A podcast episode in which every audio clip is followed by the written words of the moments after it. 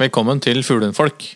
Norges første og største podkast om fuglehunder og folka bak.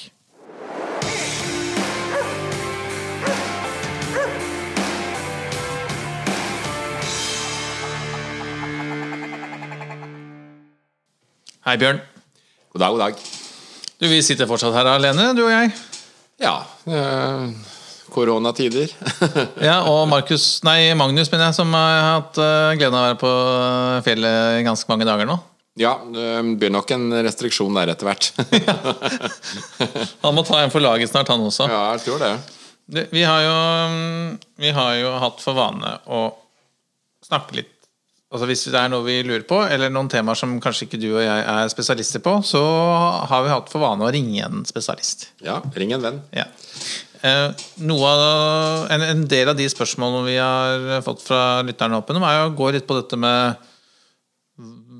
våpen, våpenvalg, skyting med hagle, patroner Dette er jo et eh, Dette er jo en i hvert fall Hvis man er fersk jeger, så er dette en jungel av ting og tang. Mm, mm. Ja da, Vi snakka jo litt om det sammen med Anders, som vi var på fjellet sammen med i tidlig i vår. Ja. Eller vinter. Og han er jo ja, jegerprøveinstruktør i Oslo her. Um, og jeg òg er jo jegerprøveinstruktør, men jeg, jeg ramser kanskje mer ut av meg den biten med våpen, da. Mm. er liksom ikke så Det er ikke mitt store engasjement, så det er litt spennende å få snakke med en som virkelig liksom kan dette her. ja. Um, og vi skal snakke med Ronny, som jobber hos Magne Landerød, som er en eh, stor jakt- og våpensjappe i Lillestrøm. Ja. Um, så det blir veldig spennende å høre hva han, eh, om han kan liksom være vår guide inn i denne litt sånn um, Ja, i den jungelen, da. Som er eh, hagle, hagleammunisjon og hagleskyting. ja, ikke sant? Og det, for oss fuglejegere er det jo først og fremst hagla vi snakker om. Ja, det er hagle det blir fokus på. Ja. Mm, det blir spennende. Men um, skal, skal vi rett og slett bare ringe til Ronny? vi? Det tror jeg vi skal gjøre. Ja, alltid. Da gjør vi det.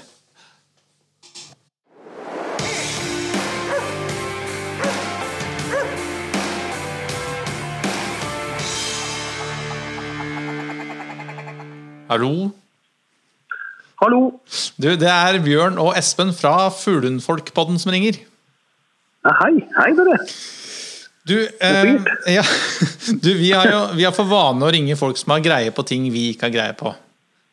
Ok. Eh, og i dag eh, nå, Veldig mange av oss står jo midt i Eller helt i starten av jaktsesongen eh, for disse fjærkledde tingene som vi syns det er morsomst å jakte på. da ja, det er tida nå. Ja, eh, og det, det, som alltid, det som alltid kommer opp som et tema, er jo shit eh, Jeg fikk ikke skutt nok før jeg dro på jakt, eller jeg og det, du, dette, er jo, dette er jo et- et tema som jeg vet du er veldig veldig opptatt av, og som du brenner for. Og så Ja. Før vi på en måte dykker inn i det, skal du få lov til å si to ord om hvem du er. Mhm. Og så kan du på en måte få lov til å slippe løs. Ja. Ja, da bare begynner jeg rett på sak. Ja, Gjør det, du. ja. ja. ja nei, altså, jeg, Ronny Pettersen er navnet mitt. Eh, har jo gjennom hele min oppvekst og fram til nå hatt en pasjon for småviltjakt, eh, haglejakt. Eh, både med og uten hund, men nå definitivt med, siden det er det som, eh, som jeg har gjort de siste åra. Eh, har i tillegg til å ha det som hobby og, til dels en, eh, en tidvis livsstil, har gleden av å og, og også fått muligheten til å jobbe med det. Og jobber for firmaet Magne Landre på Lillestrøm. eh, Og står jo litt i mange av disse spørsmåla eh, mer eller mindre hver dag. Så, Høres ut som vi har kommet til riktig mann, Bjørn. Jeg tror dette kan bli spennende. Vi får nok noen svar nå, tenker jeg. Ja, nei, altså, så, så det er klart at eh, ja, i, hvert fall, i hvert fall på det våpentekniske og den, og den biten i forhold til småviltjakt, så, så, så skal jeg i hvert fall kunne bidra til husbruk, bruker jeg å si. Men veldig mange av lytterne våre er jo ferske, eh, ferske eh, jegere. ja. Og dette, dette kunsten på en måte med å skyte med hagle, eh, og det å velge på en måte riktig kaliber Kan ikke du dra oss gjennom de, de mest brukte kaliberne? Jo, kan jeg gjøre. Og det er klart at eh, Når det gjelder småviltjakt eh, og hagle eh, som våpen, så, så, er det klart at man ender opp i et mylder og, og, og hav av muligheter. De fleste leser seg gjerne opp litt på kaliber, og ser jo ganske tidlig hvem som man på en måte brukes mest og er mest normalisert, mest vanlig. Og det er utvilsomt kaliber 12. Eh, og De fleste kaliber 12-haglene er, er, jo spesifisert med 1276, eh, som gjerne gir rom for magnumpatroner. Jeg bruker det veldig sjelden sjøl, så, så, for meg er ikke det det viktigste. Men, men, det er nå sånn produsentene ofte løser det. Men du, Nå skal jeg bare avbryte litt, for dette tror jeg flere lurer på. Um, for ja. Kaliber 12 det gjenspeiler på en måte lysåpningen ikke sant? på, uh, på tuben på ja. røret. Ja, ja, det er diameteren, eh, betegnelsene, altså de, de tall, uh, tallbetegnelsene. Uh, er, er, jeg ikke helt der, der skal jeg ikke skryte på meg noe stor kompetanse. Jeg vet at de nominelle boringene i en, i en, i en kaliber 12 ofte ligger fordelt mellom 18,3 og 18,7, litt avhengig av produsent og, og hvordan løpene konstrueres. Men men ja, kaliber 12 er den, er den med, med, med, grovest løp, for å bruke et folkelig språk. Da. Ja. Og så sa du ja. 1276. 76 eh, er 12 er kaliberbetegnelsen på diameter. 76 eh, beskriver i millimeter lengden på patronen, altså 76 millimeter. Ja. Og her eh, finnes her det, flere varianter, ikke sant? Masse varianter. I ja. kaliber 12 så finnes det 1265, 1267, 1270 og 1276. Eh, du kan skyte samtlige patroner i et kammer for 1276. Men du kan f.eks. ikke skyte en patron som er 1276 i et kammer til en 1270. For da blir patronen for lang. Mm. Og Det er jo derfor produsentene ofte lager våpnene sine i 1276, som gir rom for at man kan bruke alle typer kaliber 12 ammunisjon i dem. Men det fins også enda lengre patroner, gjør det ikke det? Jo, det gjør det. Eh, det fins jo det som de kaller for supermagnum, som er eh, holdt jeg på å si, ofte veldig spesifisert i 1289. Mm. Eh, er nok ikke så vanlig blant norske småviltjegere. Og, og ja, det, var, det, det, brukes ikke veldig mye. Vi ser det blant noen av gåsejegerne, vi ser det også blant noen av rådyrjegerne. Men, men, men det er ikke ofte at 1289 er på, er på språket når man snakker eh, altså småvilt som, som, det vi eh, ofte tenker på når vi snakker haglejakt. Mm. Som type rype, skogsfugl, hare. ikke sant? Men, eh, men, blant noen av gåsejegerne og også noen av rådyrjegerne så er 1289 absolutt et tema. ja. Mm. Det er det. Mm. Men da er det også spesielle våpen? Da er det, da er det våpen det er, ikke, det, er ikke, det er, ikke, kjempestort utvalg i våpen innenfor det kaliberet, nei. Det er, det er, det, noen få som leverer det, og det er også de da, som ofte blir kjøpt og brukt eh, av de som har behov for det. Ja. ja. Kaliber 12 er det mest vanlige uh, kaliberet for uh, fuglejakt? Ja, absolutt. Det vil jeg påstå. Eh, tett oppfulgt av kaliber 20, eh, som, eh, som, på en måte også mange har et nært og godt forhold til. Litt samme oppdeling på altså kaliberbetegnelsen. Kaliber 20 er jo, er jo da kalibreringsnummeret. Lengden her også betegnes jo med, med 2070 eller 2076 kan du si. 2076 er jo da Magnum-kammeret, som gir rom for alle andre patroner. da. Mm. Veldig vanlig at børsene man kjøper i dag i kaliber 20 er kalibrert 2076. Mm. Eh, så har du et, et, et, kaliber som var med mye mer hvis man går tilbake i tid. Eh, går man en 20-25 år tilbake i tid, og kanskje aller helst enda litt til, så, så er jo kaliber 16 et, et kaliber som mange kjenner. Ikke like vanlig lenger i dag, men, men eh, absolutt et, eh, et potent og, og, fint kaliber. Veldig delikate våpen. Eh, også betegna med enten 1665 hvis de våpnene er ordentlig godt voksne, men normalt er 1670. Mm. Eh, Går man eh, videre til noe mer spesielt, og som kanskje er veldig lite kjent ennå, kjent blant noen, men, men lite kjent foreløpig, eh, og årsaken er jo definitivt ladevekter på, på hagleladningene. De blir ofte lave, og det er kaliber 28. Eh, igjen 2870, eh, for å ta hele kaliberets betegnelse. En, eh, en liten, snedig, lett, fin patron. Eh, og, og Går man litt tilbake i tid, så ble han jo ikke noe spesielt. Altså, han fikk ikke fått noe gjennomslag i Norge, fordi at eh, den har ofte vært lada med, med, med, med vekter, altså i gram hagl. Eh, fra normalt 15 til 17-18 gram. Som er å anse for å være relativt lite hagl kontra en standard kaliber 12 som er, eh, som er ladd med 34-36 gram. Altså tett på, altså gjerne det dobbelte, da. Eh, Men det er uten tvil skjedd ganske mye på, på ammunisjonsbiten. eh, Og noe som da gir forutsetninger for patronprodusentene å lage patroner med, med, med bedre forutsetninger. Så i dag så har vi jo tilgjengelig eh, ammunisjon til, til kaliber 28 også, med, med ladevekter da på en 24, 26, 28 og helt opp i 30 gram Ja. med gode nok hastigheter til at man har anslagsenergi og, og det som skal til for å kunne felle eh, relativt stort småvilt. Da. Så kaliber 28 er en, er en patron som jeg tror eh, ikke mange kommer til å stifte bekjentskap med, men i hvert fall ganske mange flere enn for 20 år siden framover. Ja, for Det for det er jo sånn at um, kaliber 12 er jo ganske Det er ganske mye rekyl i en 1276. En 1276 uh, vil ha en ganske høy energi i rekylen, ja. Han har det. Og hvis man i tillegg da har et, eh, har et for lett, altså et lett våpen, hvis man sier et våpen på tre kilo eller, eller mindre, så vil jo en, en 1276-patron eh, bli relativt frisk i, i rekylen. Utvilsomt.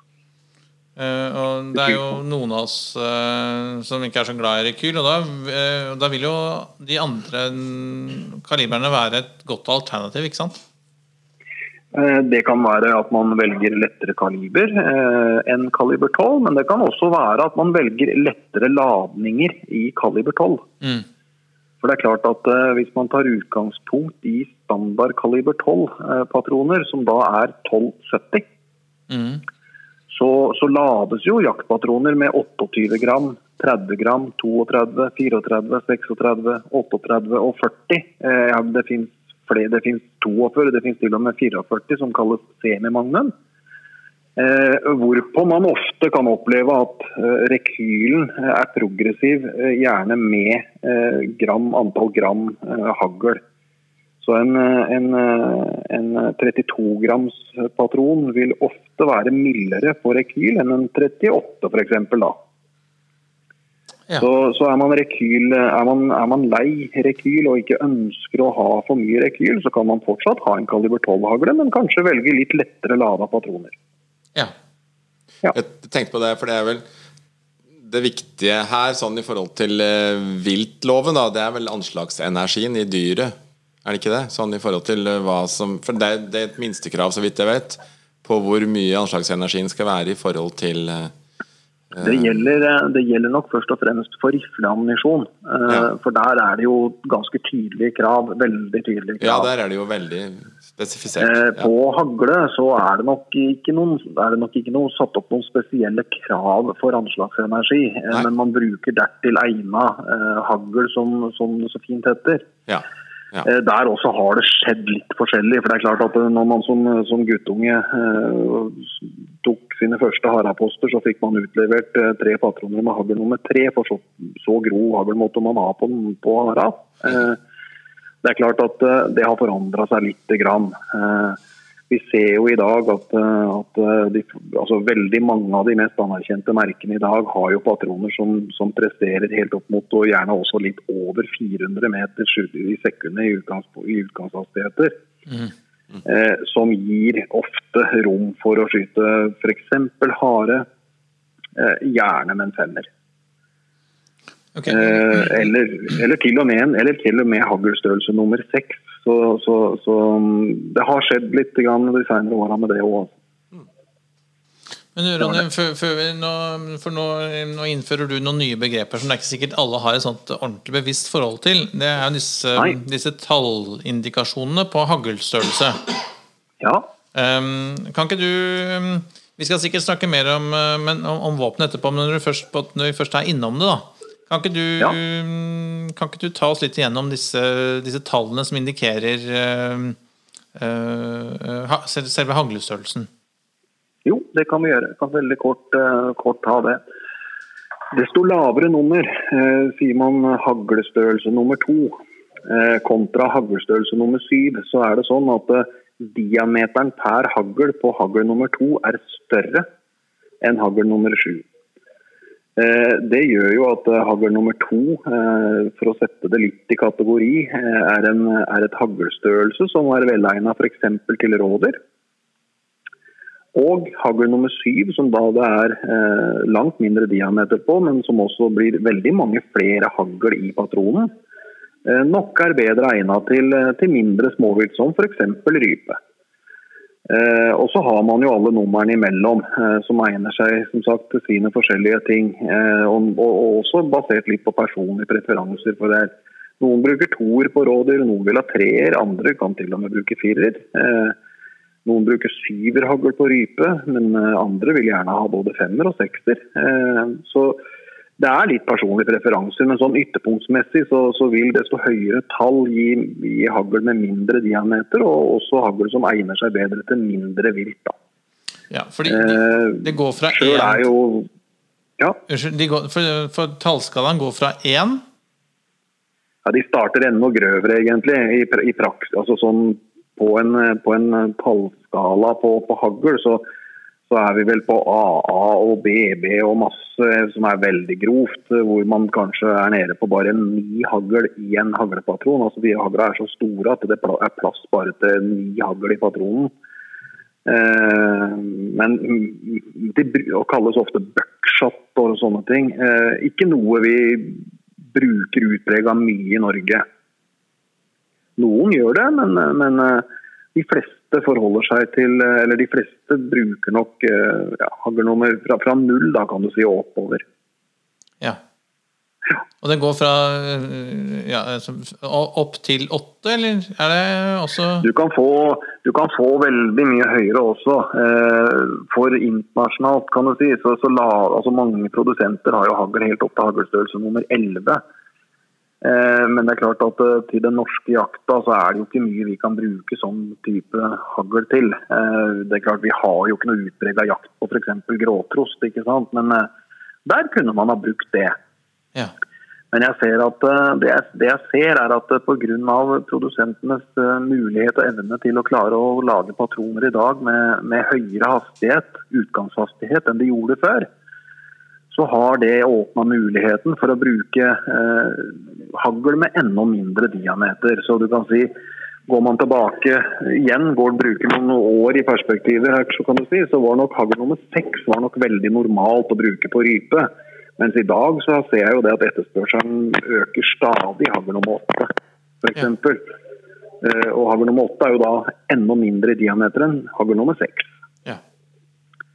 Så, så det er gjerne haglets størrelse, eh, vekt, eh, som sammen med hastigheten eh, skaper anslagsenergien. Og det er klart at Har man en haglepatron som har 375 meter i sekundet kontra en patron med 410, så, så er det ganske åpenbar stor forskjell der, som gir rom for å kunne bruke enda, altså hagle med enda mindre diameter. Fordelen med det er at man kan altså det er at man får mer hagl i i det vi kaller for svermen. Eh, eh, man får en jevnere eller tettere skuddekning i skuddbildet sitt, eh, som gjør at man kan hva skal jeg si, gjerne bidra til å øke treffprosenten noe. Men hvis du skulle liksom med en sånn tommelfingerregel tatt også gruppert disse ulike haglestørrelsene liksom ned på type et vilt liksom, som vi kan forholde oss til. Som ja. en sånn rettesnor. Nå sa du at uh, to og tre det var typisk uh, rådyrstørrelse? ja, jeg vil, jeg, vil, jeg, vil, jeg vil, si at uh, to og tre vil jeg si er typisk rådyr. tre, fire, fem vil jeg si passer til, til type rev, gås og mye mer. Men, men, jeg vil si at gåsejegeren, revejegeren, de er vel ofte på tre, fire, fem. Harejegeren er vel blitt en sånn gjengs firer-femmer. Eh, normal skogsfugljakt fire, fem og seks.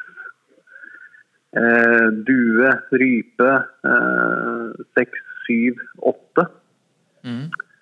Eh, og så eh, kan du si ender, f.eks. Der har du jo litt forskjellig. Ei stokkan er jo åpenbart mer hardskutt seinere på høsten enn han er tidlig på. Derfor så vil jo kanskje starta på jakta 21.8, så, så bruker vi gjerne seksere. Eh, men jeg ville kanskje hatt en femmer i midten av november. Ja. Så, så, man tilpasser gjerne haglestørrelsene litt uh, i forhold til viltet og viltets anatomi. Og vi vet jo at en tiur uh, 10.9 er nok noe mer lettskutt enn en tiur, enn en tiur er typ, kanskje 1.12. ikke sant? Så, mm.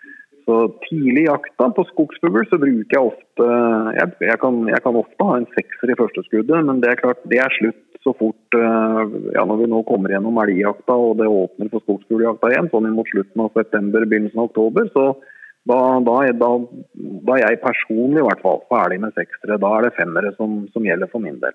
Ja. Jeg, bruker, jeg, og mange med meg da, vi bruker jo litt forskjellig eh, i forhold til årstiden og, og, hvordan vi vet at, eh, at eh, pels, typ fjørdrakt, forandrer seg litt med, med, med temperaturer og, og, at vi nærmer oss en vinter. At er, de forberedes for, for det med, med, tettere fjørdrakt eller tettere pels. Da, for, og da må vi øke anslagsenergien, rett og slett. Ja. Så men er det sånn, eh, er dette bare rykter, eller eh, er det slik at én eh, patron kan prestere forskjellige forskjellige hagler? Det er, det er, helt riktig. Vi opplever jo desto mer jeg prøver, og jeg prøver mye. Jeg har brukt mye tid på det. Og Desto mer jeg prøver, desto mer lærer jeg at det er vanskelig å finne noen fasit. Det jeg ofte ser, det er at uh, skuddbildene er mer eh, påvirka av våpenet enn av nødvendigvis patronen. Uh, for en patron kan være veldig god i ett våpen, sette et jevnt, pent skuddbilde, og med, med, små og få eh, glepper, som vi kaller det, områder i svermen som det er lite hagl, hvor man får plasser hvor viltet faktisk kan risikere å bli truffet av få hagl. Mm. Eh, I ett våpen så kan det gå veldig fint, i et annet våpen kan det gå veldig eh, jeg håper å si veldig dårlig. Eh, men det er ikke nødvendig Jeg har liksom alltid sett for meg at det er jo patronene.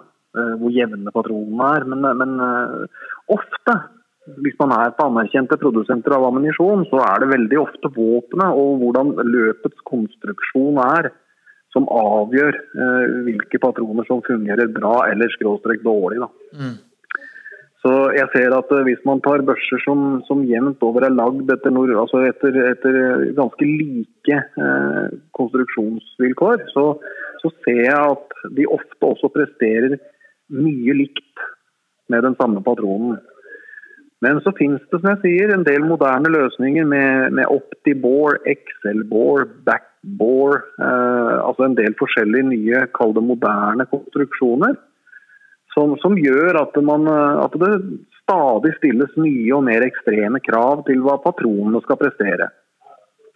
Det er ofte eh, altså Alle disse forskjellige løsningene er ofte orienteringer som, som produsentene på våpen gjør for å, for å legge til rette for, for um, komfortabel skyting, altså mengdeskyting. Og da snakker vi jo gjerne mot konkurranseskytterne, lærdeskytterne. Mm. Eh, man lager jo ofte øh, forskjellige typer konstruksjoner i løp for, å, for, at rekylen skal bli mindre følbar. Øh, og en hel masse sånne løsninger. Øh, og det er klart at her finnes det nok en del tekniske en del mennesker med, med bedre teknisk sans enn meg, men som antageligvis også kan, kan argumentere mot min påstand. Men jeg ser for meg at et, at et løp som på en måte er konstruert for å skape mindre rekyl, nødvendigvis eh, er nødt til også å gjøre rom for å på en eller annen måte skape en kontrollert lekkasje av det trykket som er i patronen. Mm. Eh, og i min enkle verden så ser jeg da for meg at eh, man også eh, oppnår noe lavere utgangshastighet. Eh, så jeg er eh, Og det krever jo da, eh, når man skal jakte med det Når man skal knuse en lærdu, så er jo det én sak. Men når man da skal jakte med det, så, så, så, vil jo en sånn type børse, gjerne en, en, en børse med typ, for, å bruke, for å bruke Excel-bore eller, eller backbore-begrepene, da, så vil det ofte fordre patroner med litt høyere hastighet når de skal brukes på jakt. Mm. Og Det er jo det vi ser litt av da, at, at flere og flere produsenter lager patroner med, med høyere trykk og, og, høyere fart. da. Men uh, her lukter det, det litt jo... sånn stalltips, gjør det ikke det?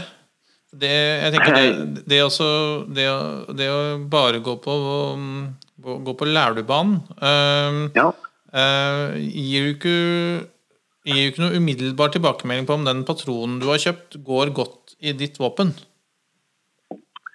Nei, det er helt riktig. Uh, og du kan si at beste måten å verifisere det på vi får jo som sagt yrkesmessig medfør, så er det klart at vi spørres jo hver dag om, om hvilke patroner skal jeg ha til skogsfugljakta f.eks., eller til rypejakta, eller til dua, eller til ja, de forskjellige jaktformene. Og det er klart at eh, vi svarer jo på et generelt grunnlag, vi må jo det. Eh, for Det er klart at det er vanskelig å svare for, for hver og en sitt våpen. For jeg vet ikke bestandig man, man har jo ikke den kunnskapen. Jeg veit jo f.eks. ikke hvilken våpen du har. men eh, Eh, men eh, så lenge man forholder seg som jeg sier, til, til, til, gode fabrikater, altså kjente fabrikater, så er det jo utvilsomt i hvert fall på god tur til å finne gode patroner. Mm. De som, som, ønsker å ta det, og jeg vil si det nødvendige steget videre For jeg tenker jo at det er noe de fleste bør gjøre. Mm. Eh, ta seg tid til en dag de er på skytebanen. Ta med seg noen pappark Eh, noen papirark som gjerne er en ja, aller helst 1,5 ganger 1,5 meter, men, eh, men, du klarer deg godt ut med, med 1 ganger 1 meter også. Mm. Sette opp eh, de arkene på etter eget skjønn fornuftige jegermessige hold, som man, man, anser at man som oftest ender opp med å skyte på. Og teste sitt våpen med en to, tre, fire, fem forskjellige patroner som man kan tenke seg å bruke til kommende høst. Mm. Eh, og det er klart at eh, Man vil få seg noen overraskelser. Man vil se ganske store forskjeller, og man vil også veldig tydelig finne ut hvilke patron som egner seg best i, det våpenet man sjøl har, ved å, ved å skyte en, gjerne tre skudd av hver på tre forskjellige blinker, så man skyter ett skudd per ark. Men, men, men gjerne tre av hver patron. da. Eh, og sammenligne litt, så man får et lite grunnlag for å se hvem patron er jevnest, hvem fordeler hagl penest i skuddbildet. Så man føler at man, når høsten kommer, at man føler at man har eh, ja, rett og slett beste ammunisjonen i sitt våpen uh, til den jakta man skal bedrive. Og Det er ikke veldig omfattende og det er ikke veldig krevende. Det er, uh, Har man fem patroner, skyter tre skudd av hver, det er 15 skudd på papirblink. Det er ganske billig forsikring, eh, og da tenker ikke jeg bare rasjonelt på altså Jeg tenker selvfølgelig på viltet, for vi skal gjøre det vi kan for å, for å avlive og mest mulig eh, effektivt og humant. og Det er jo en vesentlig del av å kunne gjøre det, men samtidig også det med komforten i at man vet at man har det beste. Ja, Det handler om den selvtilliten, liksom? Ja. Nettopp. Mm. Nettopp. Også, for det er klart De fleste av oss uh, som har holdt på med det her, sånn, vi har jo mer enn én en gang uh, ja, vi skal vel innrømme at vi har vel mer enn én en gang ikke hatt noen forståelse for at vi har bomma.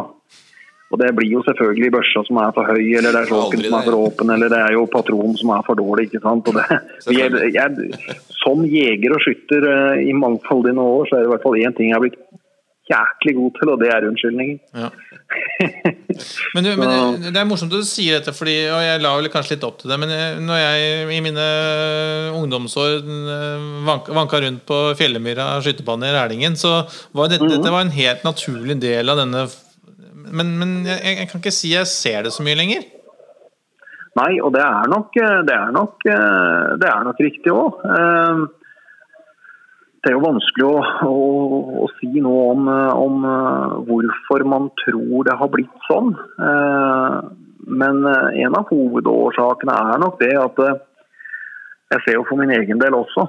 Før så var jeg jo nede i et lokalt grusøl og skøyt på papp og blink og sånn, og holdt på å teste forskjellige sjåker og patroner og våpen. Og, ja, ja, det var jo det man gjorde ofte. Mm. Men jeg ser tiden eh, er nok kanskje den største fienden for å gjøre disse små, disse små ekstrastuntene for å mm. skaffe den, den kompetansen. Da. Mm. Jeg ser jo det at eh, det blir liksom Man har reist på skytebanen, så, så, er det jo for å trene skyting. Mm. Det er jo ikke for å skyte på blink. Eh, så Man ender jo med å helle patroner i lomma på vesten og gå ut på standplass og skyte lærdue. Eh, jeg skal jo være så ærlig så jeg gjør jo det også mest sjøl. Men, eh, men, jeg anbefaler på det varmeste at man, at man setter av setter av en treningskveld. Bruk litt tid på å gå i anskaffelse av litt forskjellig ammunisjon. Det kan være, og Man trenger jo ikke nødvendigvis å reise rundt og handle den ammunisjonen. for eh, jeg har en to-tre forskjellige typer som du kan få, og så får jeg, som du får tre skudd av meg. Og så får jeg tre av de to typene du hadde, og så hadde jeg jo plutselig fem forskjellige å prøve. Mm. Og finner jeg, ikke, finner jeg, ikke, noe som skaper den, den, det jeg hadde sett for meg, så, så, så, tar jeg gjerne en kveld til også, en annen gang. Når jeg får skaffa litt mer forskjellige typer ammunisjon, så tester jeg. Mm. Og På den måten så er det sånn at eh, jeg kommer jo ikke, det er ikke ofte at jeg kommer fram til Jeg kommer ikke nødvendigvis eh, fram til eh, eh, at det er én patron som fungerer og alt annet er dårlig, men, eh, men, med den interessen jeg har da, så kommer jeg jo ofte fram til én patron eh, eller flere patroner går bra nok. Så jeg får liksom gjerne en to-tre patroner som jeg da velger å forholde meg til. Mm. Så bruker jeg de i de gitte og forskjellige uh, jaktformene som jeg bedriver. Mm. Men når jeg først har testa patroner og kommet fram til de løsningene jeg ønsker å bruke, så er jeg ganske, da er jeg ganske konsekvent med at da bruker jeg det jeg finner ut er best. Uh, rett og slett for, for, å, for å, stille, stille best rusta når jakta starter, kan du si. Mm. Er, um, og, og, jeg ser at mye av de patronene som jeg har testa opp igjennom, og som jeg på en måte har blitt glad i, uh, både på, uh, på, skuddbilder og etter testing, men også da selvfølgelig etter gjennom flere års praktisk bruk, de blir med meg videre. Så, så når jeg f.eks. bytter våpen eller kjøper meg et nytt haglgevær, så, så, så, blir de, da blir de våpnene testa umiddelbart med de patronene for å se om jeg kan fortsette å bruke de, eller om jeg rett og slett må bytte. Mm. Så jeg er, ikke, jeg er, ikke, konsekvent. Eh, jeg er ikke konsekvent på at jeg har funnet en god patron og brukt den livet ut. Nei, det Forbytter jeg våpen, så kan det hende jeg må gjøre helt nye grep ammunisjonsmessig. Ja, et bitte lite stalltips der, altså? Ja, jeg, jeg vil si at uh, det er ingen tvil om at det å trene uh, praktisk skyting, altså det å skyte, uh, er én eh, form for, eh, for, viktige forberedelser. Personlig bruker jeg mye tid på tørrtrening. Jeg skyter nok ikke like mye som jeg gjorde før. Det skal litt til, så jeg skøyt en del før. Men, men, men, jeg ser nå at jeg skyter mindre enn jeg gjorde før, men jeg tørrtrener desto mer. Jeg bruker mye tid med våpenet mitt hjemme med trener trene anlegg. Mm. Det er kjedelig, men, men kanskje noe av det mer effektive formen for trening. I min verden, i hvert fall. Det tror jeg er ganske undervurdert. Det er jeg helt enig med deg. Veldig. Veldig. Du... Jeg, jeg, ser at opp mot jakta så tørrtrener jeg gjerne tre kvelder i uka, men jeg, jeg ikke timevis. Eh, jeg henter våpenet, eh, monterer det, eh, gjør ti minutter med tørrtrening, legger det fra meg. Tar det igjen en halvtime seinere, kanskje ti minutter og kvarter til, og pakker det pent inn i våpenskapet igjen. Og Det gjør jeg gjerne to til tre kvelder i uka.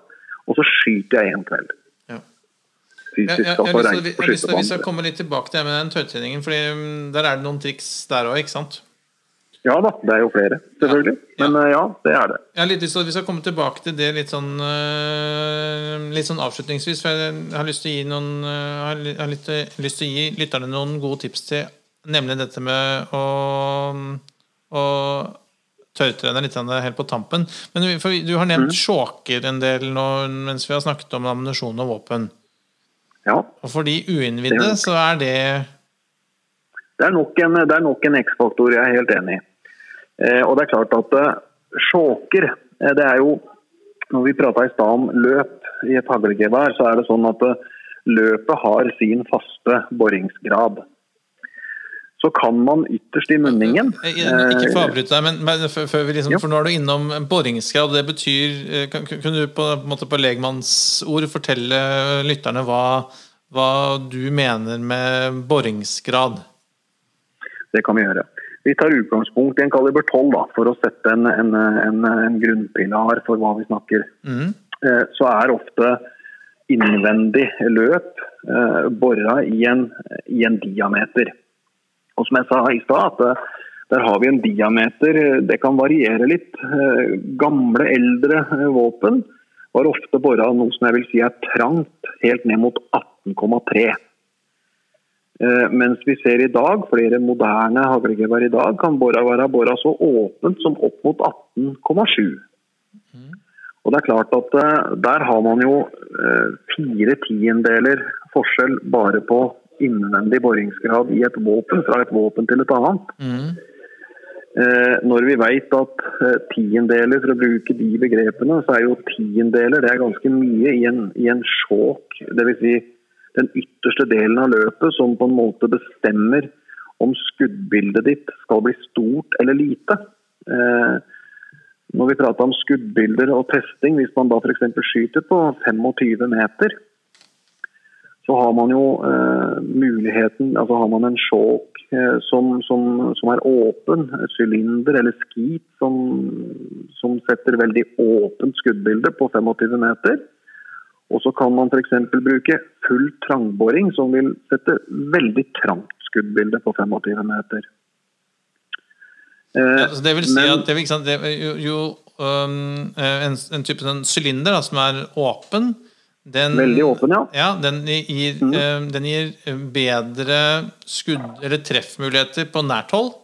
Hvis jeg skal prøve å forklare det litt sånn enkelt, da. ja, Eh, ja. mens en, Hvis man, hvis man sier det litt enkelt, så er det jo sånn at uh, hvis man tar typ eh, tidlig i jakta eh, på skogsfugl, eh, eller, eller kanskje det som de flere kjenner seg igjen i, det er jo på rypa, så vil jo gjerne fuglen ofte trykke litt bedre tidlig i jakta. og Det kan innebære at du kan få korte hold, eh, tidvis veldig korte hold. Og det er klart at eh, Eh, For å på en måte ivareta de eh, mulighetene best mulig, eh, så er det klart at eh, er man en veldig god skytter og går med trang sjåk i børsa si, så vil du jo få enormt mye hagl i en fugl på 12-15 meter. Eh, Noe som gjør at den fuglen i utgangspunktet, eller haren for den saks skyld, eh, den vil egne seg lite som mat. Altså, det er klart at 25-30 hagl i en, en rype, det er ikke noe hyggelig vilt å ivareta på, på, på middagstallerken. Eh, personlig på, sånne, på, på tidligjakta så, så bruker jeg jo naturligvis relativt åpne eh, boringer for, få, for at svermen skal bli størst mulig, og at det på en måte skal bli et hva skal jeg si, ikke bli for mye hagl også eh, per, eh, per kvadrat, eh, eller per anlegg på anleggsflata. da. mm, Så jeg bruker ofte ganske åpne sjåker. Eh, og det er klart at det gjør jeg for at svermen skal bli størst mulig. eh, For at det skal bli lettere å treffe på kortere hold. Eh, og konsekvensen er jo at jeg da gjerne bruker et, et, haglnum, et haglnummer eh, med mindre diameter, sånn at jeg kanskje får noe mer hagl eh, for å tette igjen svermen, så den ikke blir så åpen at den blir glissende igjen. da. ikke sant? Så her, her, er, Så her det er veldig komplekst. Ja, Veldig komplekst, egentlig. Ja, ikke sant? Men hvis jeg skal si det litt sånn, hvis jeg prøver å oppsummere litt sånn enkelt, da, så her, her er jo fordelen med å ha eh, en, en, en, et, et, et våpen med to løp. løp Ja, Ikke sant? For da kan man, da kan man ha ett løp som uh, har større åpning enn, et, uh, enn det andre løpet. Så man kan på en måte variere Ja, det- litt. Det som, det, som, det som, har vært tidligere, var jo det at når, når de, før man på en måte begynte å operere med det vi kaller i dag for løse sjåker For de fleste våpenprodusentene i dag har jo, har jo det vi kaller løse sjåker. Dvs. Si at man kan ta ut og sette i andre sjåker underveis, eller, eller, eller ved behov. da. Eh, løse sjåker det innebærer at man gjerne har ett våpen, eh, og da er jo begge løp like. Eh, men det følger med fem eller seks sjåker når man kjøper våpenet. Og Da får man med sjåker helt ifra sylinder, som er det åpneste. Man får med kvart, som også er åpent. da. Så får man halv, som er sånn midt på, og så følger det med trekvart og full, som da naturligvis er i det trange segmentet. Så man ofte fem sjåker som er med. Eh, så kan man jo tilpasse litt, eh, sette i de sjåkene som som man mener er riktig i forhold til jaktformen og, og viltet man skal jakte på. Og da er det klart at eh, For å sette, litt, for å sette sånn litt enkel retorikk på det, så er det klart at snakker vi rypejakt, så ville det være naturlig å bruke kanskje to kvarte eller en sylinder og kvart, altså veldig åpne sjåker. Eh, patroner eh, med ladevekter mellom ja, 28 til 32 gram. Haglstørrelse 6, 7 eller 8. Går vi til skogen og skogsjakta, da tenker jeg skogsfugl, orrfugl, storfugl og hare, så, så, er vi omtrent de samme sjåkvalga. Det er eh, sylinder, det kan være skit, det kan være kvart. Eh, haglepatroner valgt fra 34 til 38 gram. Eh, hagl nummer 4, 5 og 6. Og så er det jo, når man eventuelt eh, ser for seg litt større småvilt, så, så snakker jeg, og da, Når jeg tenker større småvilt, så tenker jo jeg eh, gås, rev, rådyr som de kanskje to-tre mest hardskutte viltene. Mm. Eh, gås eh, er litt for seg sjøl, for det er fluktskyting eh, på et annet nivå. Det er litt mer som skogsfugl, men med grøvere hagl, så på gås ville vil jeg kanskje brukt en treer, en firer. Når vi kommer til rev og, og, og spesielt rådyr, så vil jeg kanskje tenke litt annerledes enn jeg gjør under fuglejakta.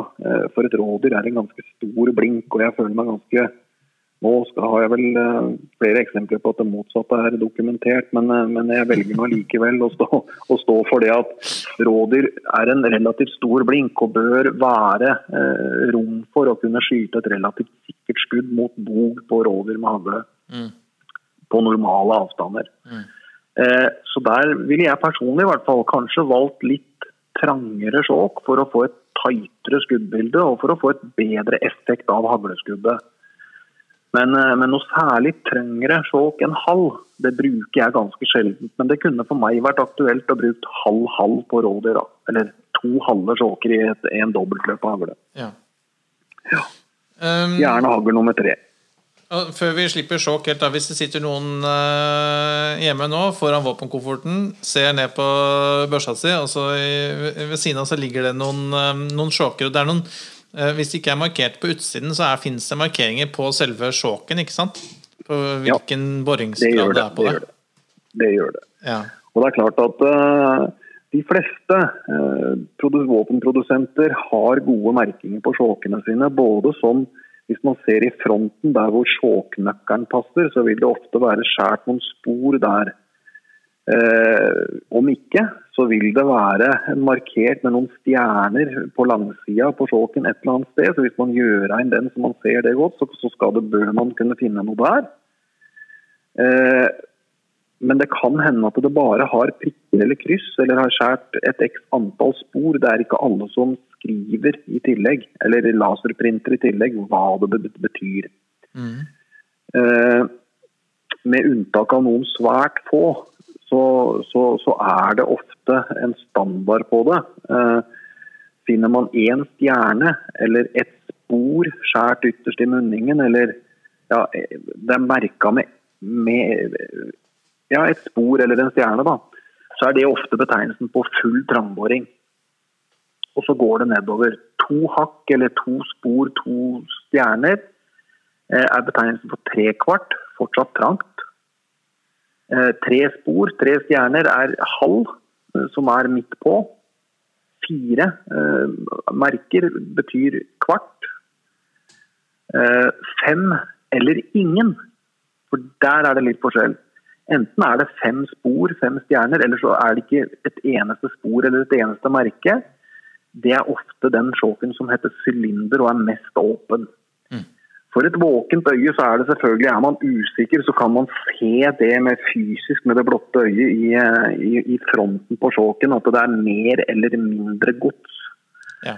Eh, Er det mer gods, så er det jo en trangsjåk, og er det mindre gods, så er det jo naturlig at den sjåken er mer åpen. Så er man usikker, så kan man gjøre litt research på akkurat det også. Altså. Ja. Eller så går det Men, sikkert an eh, å ta med tingene ned til dere, og så kan dere um, Ja da, en, eh, vi, vi kan for nærmiljøet vårt, så, så, så, så kan vi selvfølgelig bistå gjerne over telefon og om nødvendig ikke noe problem å ta med våpenet. Så vi ja.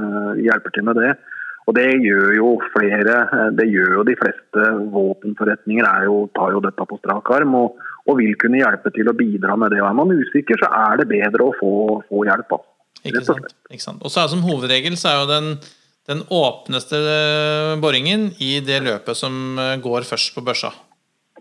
Ja, og jeg vil også, eh, bare for Det er jo ikke noe fasit på det, og det er jo noen som ønsker å gjøre annerledes. Det er jo alltid noen. Men jeg hevder at for å skyte taktisk riktig, både i forhold til våpenet, da tenker jeg slitasje. Mm. Nå er nok det den minste faktoren tross alt, for det er vel veldig få norske jegere som har slitt ned våpen pga. skyting. Men, eh, men eh, allikevel så, så er det greit å ta med seg. Eh, underste løpet, eh, altså ja, det underste løpet igjen over og under, er ofte det, det løpet vi, vi skyter først. Eh, det sitter som regel nærmest låsekilen, låsmekanismen i, i våpenet, og skaper minst belastning for konstruksjonen. Men det er også en ting til, og det er at veldig mange eh, hagler over og under. Det samme gjelder sideligger, men, men over og under en, er, det en, er det noe som ofte går igjen. og Det er jo at det øverste løpet det går rett fram.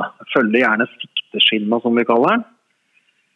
Det Øverste løpet eh, treffer rett fram, eh, for å sette sånn veldig folkelig språk på det. Men underste løpet, på et eller annet tidspunkt, så skal de to løpene treffe på samme punkt.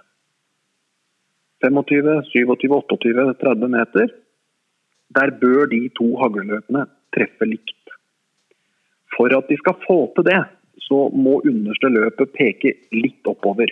Bitte lite grann, det er ikke mye, men bitte lite grann. Noe som skaper det vi kaller for overslag. Altså pipa har et overslag. Hun går ikke rett fram, hun peker bitte lite grann opp. Og, og Det er også en av årsakene til at jeg ønsker å skyte underste løpet først. Eh, fordi at eh, desto kortere hold Du får som regel kortest hold på første skuddet. og Desto kortere hold, desto mindre vil den nivelleringa på underste løpet spille noen rolle. Eh, Første hagleskuddet ditt går som regel på under 30 meter, og da vil det være veldig nært hele veien. Da vil det være på viltet hele veien. Men, men hvis man, eh, hvis man liksom eh, Får man veldig kort hold, så kan det sitte litt grann lavt. Og får man veldig lange hold, eh, lange hold i haglesammenheng hører jo ingen stand hjemme, men, men satt litt på spissen, da. Så, så vil, man få, vil, vil underste løpet treffe litt lavt på kort hold og litt høyt på langt hold. Mens det øvre løpet det vil treffe midt i hele veien. Eh, derfor så velger vi ofte å skyte det underste løpet med den åpneste boringen. Eh, sånn at du rett og slett for å manipulere den, den forskjellen det løpet har. da. Ja, riktig. Ja. Og så er det selvfølgelig rekyl. Det er mindre rekyl. Rekylopptaket ditt kommer lavere i låskassa, lavere i våpenet, og det blir litt lettere å mestre eh, i forhold til hvordan våpenet beveger seg. Eh, underste løpet vil, slå, vil ofte skape en rekyl som slår bakover, mens øverste løpet vil i tillegg skape en bevegelse som gjør at børsa slår opp litt i munningen. Så Man vil jo ha førsteskuddet med så rolig rekyl som mulig, så man raskest mulig kan skyte skudd nummer to. Veldig bra. Men også i, i iveren eh, på vei inn i dette, så hoppet vi litt over Nå har du nevnt over, under og sideligger. Ja. Hvis vi liksom konsentrerer oss om kaliber 12, da, som er det mest vanlige Um, ja. Så er det vel uh, sånn at uh, i hvert fall i, i nyere tid så, så, er over under det mest populære um, type våpenet, da. Absolutt. Absolutt. Men så det fins det sideligger, ikke sant? Um, ja, det vi ser er jo at det, det, mest populære, som du sier, er jo helt riktig. Det er over og under. Av mange åpenbare årsaker så er jo over og under et førstevalg. Så er det jo mange som, har, eh, som, som kanskje syns det er litt mye våpen, og som ønsker litt lettere våpen, eh, men av kapasitet fortsatt til to patroner. Og, og som velger halvautomat. Mm. Eh, da har du jo det ene du har bare, Da har du bare ett løp og må forholde deg til én boring, men du har fortsatt en magasinkapasitet som gjør at du kan skyte to raske skudd. Mm. Eh, du får jo litt mindre å bære på, for det er jo et helt løp som mangler. Så, så du får et litt lettere våpen. Det er ofte veldig populært blant gåsejegere, har jeg sett. Det er det. Og, og det, er en, det, er en, åpenbar uh, sak på det òg. Eller det vil si, i hvert fall tror jeg det. I, sånn jeg tyder det. Uh, hvis du skyter, som jeg sa, sa innledningsvis, gåsejegerne kan ofte velge litt kraftige patroner, fordi gåsa er relativt hardskutt. Og det er noen som da fordrer 1289, og, eller, eller, mange bruker 1276, altså magnumpatroner. Mm. Eh, som vi sa, skaper mye rekyl.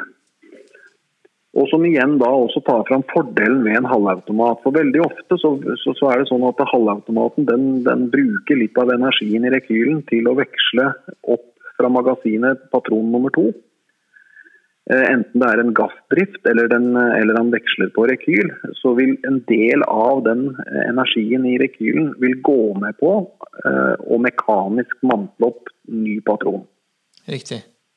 Så, så, når man skyter kraftige patroner, så, så, kan det være hyggeligere i en halvautomat nettopp pga. at rekylen ofte blir følt mindre.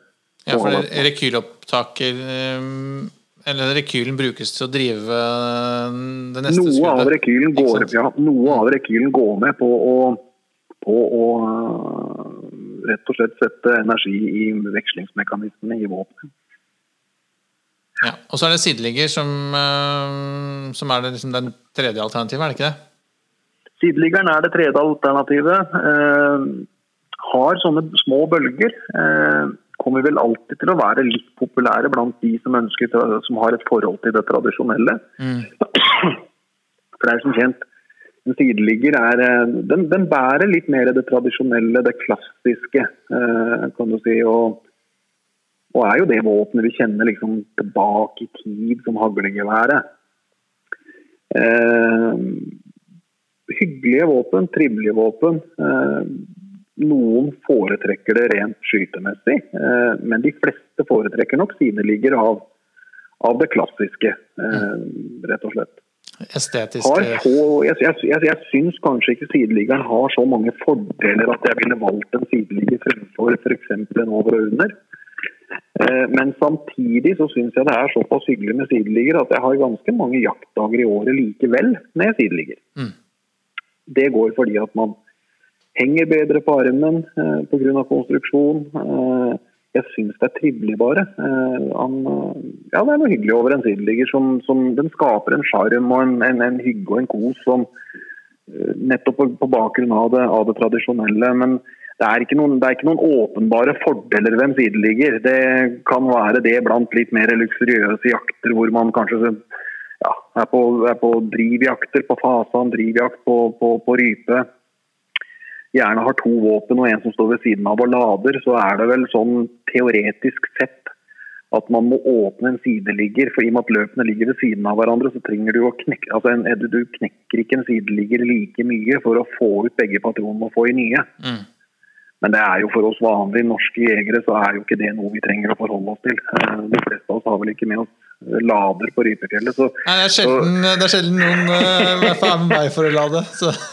Ja da, det er, eh, nei da. Det, som sagt, er, noen, noen, trives best med sideligger, og så enkelt er det. Vi er litt forskjellige alle mann. Sjøl så, så, så, trives jeg veldig godt med sideligger, men det går litt mer på det tradisjonelle. at jeg er er født og oppvokst med en bestefar og en far som harejegere, og det var jo sideliggere den gangen. Da var jo ikke Da var det veldig nytt med over Det var jo få som hadde det. Mm. Så, så min første tilbøyelighet eh, si, til jakta, det, det var sideligger. Så det har på en måte forankra seg litt i meg at sideligger det er småviltjaktvåpen som jeg aldri helt blir kvitt i sjela. Mm. Men, eh, men eh, det er nok definitivt over og under'n av mange praktiske fordelers årsak som, som, som, som de fleste ender opp med i dag. Ja. Det er det. Og så til et eh, tema som eh, Bjørn og jeg er litt opptatt av, dette med sikkerhet. Ja, absolutt. Um, fordi hagle er jo et stygt våpen. Hagla er noe av det kraftigste våpen. På kort hold så er hagle kanskje et av de kraftigste våpnene vi har. Eh, Det høres kanskje litt rart ut, men eh, for det er klart vi har jo elgrifler i kraftig kaliber og alt mulig. Men, men jeg hevder at eh, på, på kort på fem meter, på liksom sånne veldig korte hold, så er hagla den er ufattelig mye energi. Mm. Eh, skummelt våpen under vådeskudd eh, fordi han gjør så enorm skade på korte hold. Eh, så det er klart at sikkerhet må være i høysetet fra he, altså, Ja, det må være det. Du får ikke, man får ikke poengtert det nok, men det må være konstant et poeng. Det er kanskje det viktigste poenget ved bruk av hagle, eh, våpen generelt. Sikkerhet Mm. tenk sikkerhet 100% hele tiden. Eh, er du i nærheten av folk, eh, knekk brytvåpenet bryt våpenet ditt, altså over, under eller, eller side by side. Knekk de, gjør de ufarlige. Mm. Halvautomaten drar sluttstykket i bakre posisjon til enhver tid, så lenge du er i nærheten av andre mennesker. Og da tenker jeg, jakter man to mann sammen over en, over en hund, som er et, det er et, det er jo et kjent scenario, Mm. Eh, så er det sånn at er man veldig heldig, så er man en høyreskytter og en linksskytter. Da har man gjerne linksskytteren på høyre side, så han har munningen sin pekende ut mot høyre. Og, og høyreskytteren går på venstre side og peker ut mot venstre med sitt våpen, som naturlig, ikke sant? Er man to høyreskyttere eller to linksskyttere, så må den som går på jeg vil si, feil side, være veldig konsekvent med å bære våpenet sitt eh, med 100% fokus med tanke på sikkerhet. Mm. Eh, avsikrer vel strengt tatt aldri våpen før eh, det skal brukes. Eh, fikle med sikringa, kan du si. Eh, det bør man jo unngå. Av og til kan man stoppe opp, eh, peke munningen opp eller ned. Eh, se over sikringen at sikringen er i bakre posisjon, eller, eller på halvautomaten at den er i riktig posisjon. Eh, Det er små, korte tusendels sekunder stoppe i steget, bare se. Jo, det er i orden, før man går videre. Er man usikker, alltid sjekk. Man får kanskje aldri sjekka det nok.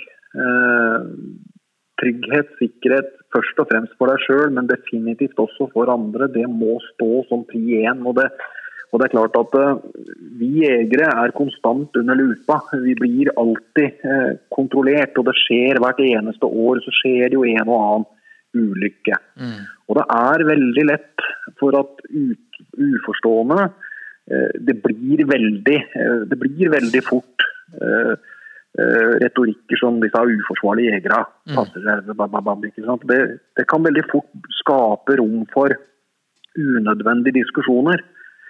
For selv for den som er mest nøye eh, og er mest opptatt av sikkerhet, så, har det, så kan det skje uhell. Så, så, så uhell må man prøve å unngå etter beste evne. Og tross at man prøver så godt man kan, så er det likevel en og annen som, som får ubehagelige opplevelser. Så man får ikke terpa nok, altså. rett og slett. Nei, Der altså, må vi være Der, der har vi der har jo hver og en av oss et ansvar også. jeg er helt enig. Vi, vi har jo det ansvaret. Det er vår oppgave. Eh, Legger jeg patroner i et våpen og skal ut og jakte, alene eller sammen med andre, så er det min fordømte plikt å til enhver tid gjøre så godt jeg kan for å ha kontroll på at våpenet mitt er forsvarlig. Bjørn og jeg har også snakket Unnskyld. Jeg, Ja. Bjørn og jeg har snakket litt om dette at spesielt hvis man jakter sammen, så er det aldri, det er aldri flaut å si ifra, liksom. Hvis du føler deg ukomfortabel sammen med Selv om det er din beste venn eller din verste fiende du jakter sammen med, så er det aldri ubehagelig å si ifra at vet du hva, Eh, kan ikke du være så snill å knekke børsa? Kan ikke du liksom Altså, det er aldri flaut å si fra. Man, Nei, det er ikke det. Og hvis man blir snakket til, så er det Det er aldri vondt ment. Nei, og det er eh, Selv om det kan føles ikke. litt ubehagelig å bli påminnet eh, liksom, hvis man Jeg skjønner at det kan være liksom, litt sånn åh, det var Fader, liksom. Altså, Men, men man, man, man har på en måte blitt avduka på en glipp, for å kalle det det. Men jeg, jeg personlig vil, vil jo mye heller få en tilbakemelding om at eh, Ronny, vil du være så snill å knekke børsa di? Og så tenker jeg å faen, det har jeg glemt. Ja, Takk. Ja. Ikke sant? Altså, eh, ingen, som du sier, eh, ingen sier ifra eh, annet enn at det er en grunn til det. Eh, og det er jo aldri vondt ment, det er jo alltid godt ment. Og så er det jo også sånn at vi har litt forskjellige marginer for når vi føler at ting blir ukomfortable. Og med det her som med alt annet, uten at det kan settes i sammenheng for øvrig, så er det sånn at det kan hende at vi er tre mann. eh, Det kan hende vi har tre forskjellige aspekter for hva som er sikkert. Alle, alle absolutt alle kriteriene er sikre. Men det kan hende du eh, ønsker enda høyere sikkerhet enn jeg gjør. mm, Og da er det sånn at det er min fordømte plikt å også tilføre deg sikkerhet. ja, Ikke sant? Mm. Altså, litt sånn som alle, et, et uttrykk som alle kjenner igjen. Eh, Man blir aldri sterkere enn det svake leddet. mm, Eh, Nå er det ingen svakhet å si for at dette liker jeg ikke. Dette, ikke, dette føler ikke jeg trygt. Eh, Men det er også sånn at den som er mest utrygg, skal også være komfortabel. ja. Jeg er helt enig. Og, og, og en god retorikk i alt man foretar seg, er vel strengt tatt ta hensyn til den som eh, på en måte Og da vil jeg ikke bruke er det svake leddet, for det handler ingenting om svakhet. Det handler om en styrke å tørre å si ifra. Yes. Definitivt. Men altså hvis hver og en er veldig nøye med å ta hensyn til den man tror har øh, størst meninger, flest utfordringer eller hva som helst, så har man kommet veldig langt. Og det tilfører tryggheten enda mer for alle parter. Du, jeg, jeg avbrøt deg litt tidligere i samtalen vår, eh, Ronny, om dette med tørrtrening. Ja. Jeg tenkte Vi skal eh, sakte, men sikkert runde av litt. Men kan ikke du, kan ikke du gi, lytterne våre på vei ut døra noen, eh, noen tips til tørrtreninga? Jo, altså, eh, du kan si at eh, tørrtrening den starter gjerne med at man er man helt fersk, så starter den gjerne med at man får litt veiledning av noen som kan eh, hjelpe deg til å etablere det vi kaller for et siktebilde. Når jegeren står og ser, legger børsa opp til kinnet og sikter på kornet sitt, eller ser kornet sitt på hagla, eh, så, så, så ser man mer eller mindre eh, også deler av skinna. Eh, men, men det siktebildet man skal ha, eh, det som er riktig Når man har fått, fått sett det bildet, man kjenner det igjen når man ser det, Mm. så, er, så går tørrtreninga, i hvert fall tidlig altså i startfasen, går på å løfte børsa fra hoftekammen, eh, rolig opp til skuldra, få kinnet til skjeftet, og så etablere det siktebildet. Ikke mer på siden, ikke høyere, ikke lavere, men akkurat det siktebildet man skal ha. Mm. Gjør man det i noen enkle bevegelser. Eh, ser at når man får det til hver gang, så kan man øke tempoet. Eh, og etter hvert så vil man kunne gjøre det eh, så fort som det er praktisk talt mulig. Løfte børsa fra hofta opp, sette den i skuldra, kinnet på og se skuddbildet sitt momentant. Mm. Når man har kommet dit at man syns det går eh, komfortabelt fort, eh, så begynner jeg å flytte bevegelsen gjerne da. Da bruker jeg gjerne listverk i stua f.eks. Hvor jeg tar utgangspunkt i ene hjørnet. Og så følger jeg liksom lista med øya. ikke sant? Så jeg står og ser at jeg kan følge lista med øyet, eller øya mine, eh, med børsa på hofta. Så steller jeg meg sånn at eh, jeg gjerne ser imot eh, det ene hjørnet på lista, og så har jeg kanskje, i hvert fall jeg, har noen kvister i, i trelista mi, så, så har jeg noen punkter på lista som jeg, som jeg, som jeg på en måte kan montere våpenet i. Da begynner jeg gjerne med børsa nede ved hofta. Eh, så begynner jeg rolig. Så begynner jeg å flytte blikket mitt langs lista samtidig som jeg rolig begynner å løfte børsa.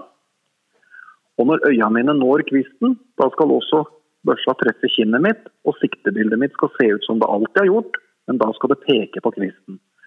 Så kan jeg gjerne fortsette børsebevegelsen og holde kornet i kontakt med, med, med lista videre, for å få med en normal og naturlig sving. Og når man begynner å få et naturlig, man kjenner at man kan flytte børsa ganske fort fra et punkt til et annet, montere, treffe, man ser at kornet detter på plass på stikkontakta, den detter på plass på en kvist på veggen, den detter på plass på kaffekoppen på stuebordet. Så, så, så, så, ser man at man begynner å få fart på det, man begynner å få et naturlig forhold til å montere hagla, og den detter på plass, blir mer og mer en del av deg. Når man syns det begynner å sitte veldig godt, eh, så er det naturlig å ta med seg dette inn på en lærdebane og, begynne å trene litt ordentlig lærduskyting. Mm. Og som jeg sa i stad, jeg trener to til tre kvelder i uka tørt, altså tørrtrening, og så skyter jeg gjerne en kveld i uka. Mm. Når jeg nærmer meg jakta, så, så, trener jeg tørt mindre og trener kanskje to kvelder, tre kvelder på lærdubanen. Så gjerne 14 de siste dagene før jakta. Det er bare for å intensivere litt skyting. For å på en måte ha gleden og moroa av å ta rekkehylen, få på skudd nummer to. ikke sant? Leke litt mer med situasjonene, da. Mm. Men tørrtreninga, for meg personlig, så er det grunnfundamentet for, for, for treninga mi. Og det handler om å få et naturlig og raskt eh, siktebilde. Mm. Det er helt konkret det jeg trener på. Og så er det dette med dette, dette, dette er, Nå åpner jeg døra til et veldig stort tema som vi ikke skal uh, dykke så mye inn i, men, det, men, hvor det helt sikkert er mulig for uh, lytterne våre å enten gå til det eller til noen andre. Men dette, det å etablere dette siktebildet, uh, i og med at hagle er et pekevåpen og ikke et siktevåpen, så fordrer jo det ja. at børsa passer til deg. Det er helt riktig. Um, og, det. Um, og det vet at det fins børsmakere og eller, jakt og, eller jakt Eh, våpenbutikker rundt omkring i det ganske land hvor det er mulig å få hjelp til å, til å tilpasse børsa. fordi eh, det, det, snakkes det kanskje ikke nok om, da, men det å ha en børse som passer, er jo helt, altså det er helt avgjørende for å få riktig siktebilde. Ja, og det er, eh, det er klart at uh, som, en, som en, bransjemann, så, så, så, er det klart at uh, det er lett nå å legge seg bakpå og si og holde seg til den retorikken. det burde man jo hatt vett til å gjøre òg, men det, jeg klarer jo ikke helt det.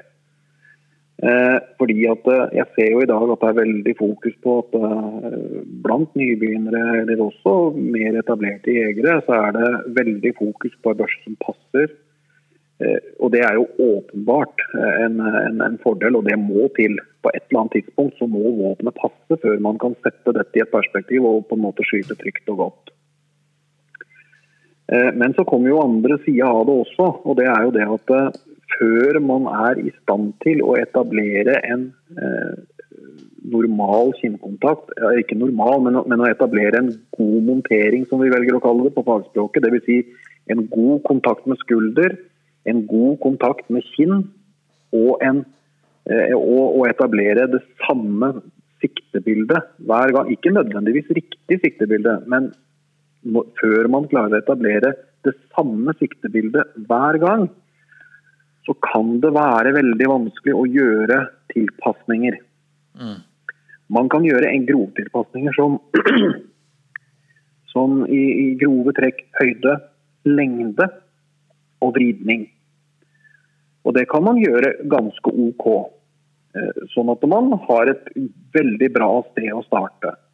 Men det kan være eh, du kan si at når man har fått gjort det første gangen, gjerne hos en, eh, hos en butikk eller hos noen som kan det, for øvrig børsemakere, ikke sant, så kan det være behov for å gjøre justering nummer to og kanskje til og med justering nummer tre før våpenet passer så bra som, som, gjerne man prater om når man prater om tilpasning av våpen. Mm. Eh, så begrepet tilpasning er, er, litt, er litt videre. Jeg sier at det, eh, når det kommer en, en, person som har en helt ny og fersk tilnærming til hagleskyting og skal ha et tilpassa våpen, så, så, så, hevder jeg at det kan være ganske vanskelig å få til, fordi at vedkommende ikke har en, en, en stabil montering. Da blir det vanskelig å tilpasse våpenet. Men man grovtilpasser eh, så godt man kan. Eh, og vi, vi er, og flere med oss, eh, vil jo da gjerne at, at brukeren skal trene og skyte litt med våpenet, og gjerne komme tilbake for å gjøre en, en ny vurdering. Da vil jo vedkommende ha erfaring sjøl også. Si at jeg, jeg, det ser ut for meg som jeg ofte treffer høyt eller lavt, eller på høyresiden, venstresiden. Vi har da, får, da får vi tilbake den samme kunden som har skutt litt. Han vil da kunne etablere gode eh, monteringer og gode kinnkontakter. Og vi vil også ganske mye enklere kunne se at ja, men her er det rom for korrigering. Og gjøre nye vurderinger eller nye tilpasninger for å komme enda nærmere et våpen som, som skal fungere ordentlig og godt. Mm. Så Det er ofte en prosess som det er, vanskelig, det er vanskelig å tilpasse et våpen første gangen. Det kan man gjøre og være heldig, men, men ofte kommer man veldig nærme. Men, men, det kan fordre både én og to ganger til altså før man er helt der at det sitter som det skal. Det er som med gode sko? Det er som med gode sko. Mm. Det er det. Eh, absolutt. Og det er klart at eh, det er klart at nå er det jo forskjell på om man skal sette opp et våpen eh, til en person som eller for å si det på en annen måte, Det kan være veldig vanskelig å, å sette opp et veldig, et veldig godt tilpassa våpen til en person som, som skyter 50 skudd på Lærdalsbanen i året og jakter to helger. Eh, og Det er kanskje den tilnærminga man har til haglgeværet sitt i løpet av høsten. Mm. Det vil skape en åpenbar utfordring å gjøre en god tilpasning til en skytter som, som, som bruker våpenet sitt så lite, hvis du skjønner hva jeg mener. Fordi Siktebildet blir ikke likt uansett? Ikke sant. Mm. Derimot er det jo fryktelig enkelt å gå inn og gjøre en skjeftekorrigering på skjeftet til en lærdøskytter som skyter 25 000 skudd i året, for han gjør alt likt hver gang. ikke sant? Mm. Så det er klart, litt komplisert kan det være, men uh, vi har til gode å ikke komme i mål på det. altså. Uh, vi, veldig ofte er vi i stand til å, til å informere om, om, det også. Uh, og som jeg sier igjen, vi og mange med oss informerer jo gjerne kunder, brukere, om det. at nå er det, det er jo grovtilpassa. Det skal være mulig å, å, komme i gang med det her sånn. Og så, og så ses vi gjerne om en par måneder, eller når dere har fått trent litt, skutt litt, gjort dere opp litt meninger, så, så tar vi gjerne en runde til. Og Det er en, det er en vesentlig del av tilpasning. Eh, for som sagt igjen, eh, jeg ser det jo på mine egne våpen. Eh, jeg tilpasser jo våpnene mine sjøl, og, og, og, har jo skutt såpass mye at jeg nå i hvert fall har faste monteringer. Og, og jeg ser jo det at Likevel så hender det jeg gjør små små nyansekorrigeringer eh, som jeg mener eh, kan være til min fordel. Det er jo selvfølgelig, da er vi tilbake til det med unnskyldninger, men, eh, men, eh, men eh, av og til kan det være rom for å gjøre små forbedringer. Selv for etablerte skyttere og jegere. Ja, det er jo, den cliffhangeren der er jo bra å ha med oss for oss andre som um, som også kan ha noen dårlige dager på, ha noen dårlige dager på skytterbanen. Men du eh, Nei, jeg, I hvert fall åpenbart én ting som er helt sikkert. Det hjelper ikke hvor mye vi enn skyter. så er det sånn, Jeg ser jo det at uh, i de harde tidene når jeg skøyt en del på Lærdue sjøl, så, så, så, så, var det jo sånn at man følte seg jo veldig komfortabel og var jo Jeg skal ikke skryte på meg noe, men man skøyt i hvert fall helt OK. Mm. Eh, så er det jo sånn at uh, selv da på skogen så hadde man jo disse uforklarlige bommene. Mm. Eh, og man kan jo si mye om det. Det er veldig mye retorikk på det. For altså, gjennom all tid så har man jo stått på banen og skutt litt bom, og en eller annen har luska seg opp i ryggen. og Nei, du skyter litt under, skjønner du, eller du skyter bak. Under og bak. Under og bak er en gjenganger, er det ikke det?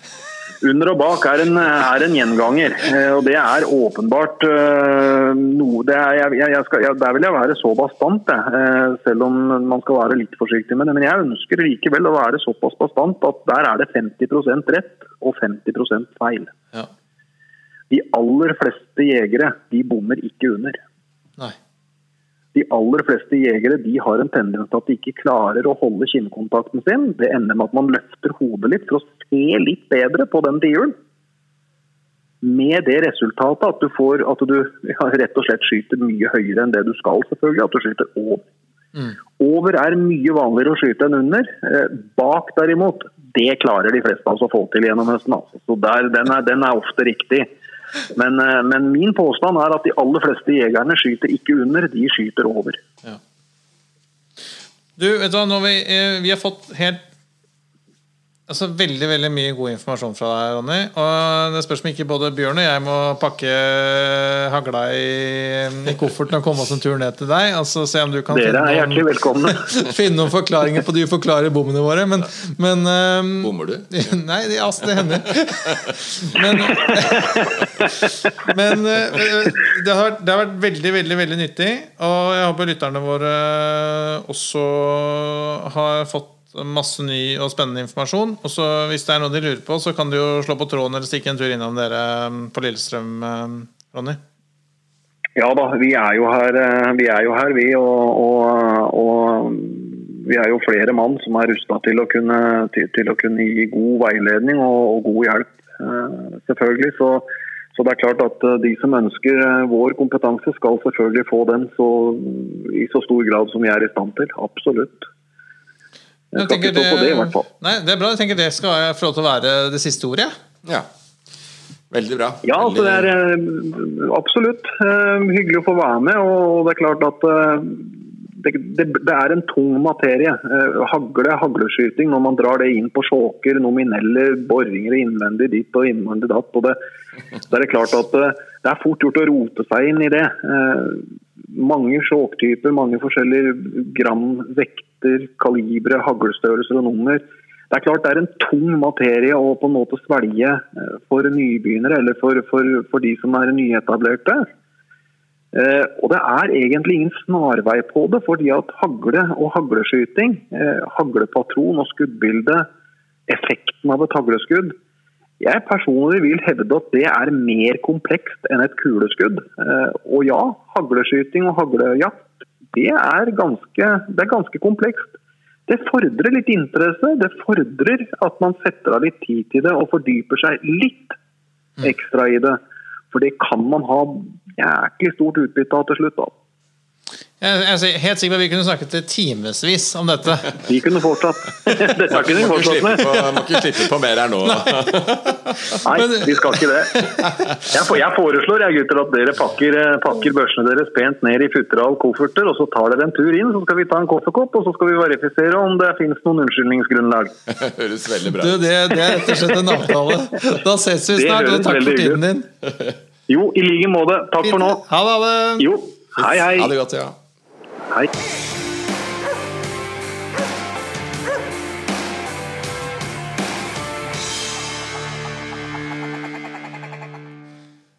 Ja, det var eh, Det var masse informasjon.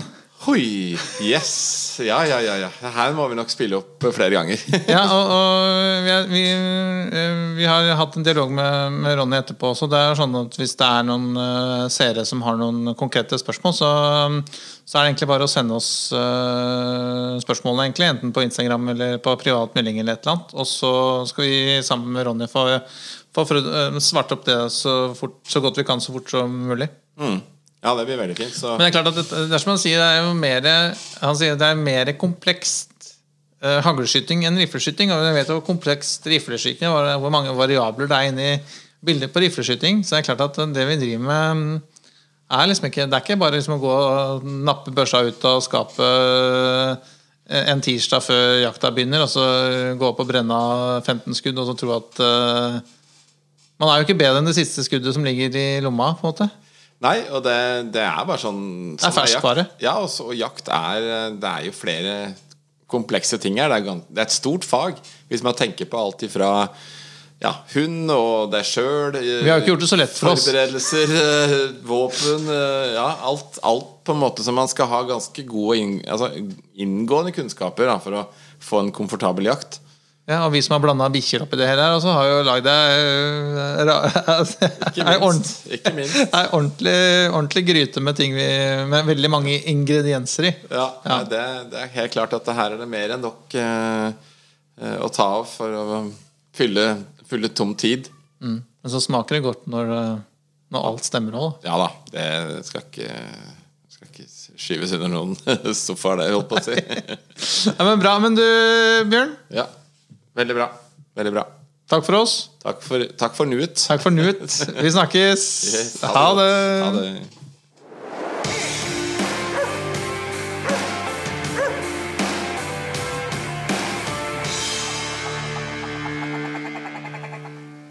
Takk for at du hørte på Fuglehundfolk. Følg oss gjerne på Facebook eller Instagram. Her kan du komme med spørsmål, eller dele tips og råd du tror at vi andre kan ha nytte av. Vi høres!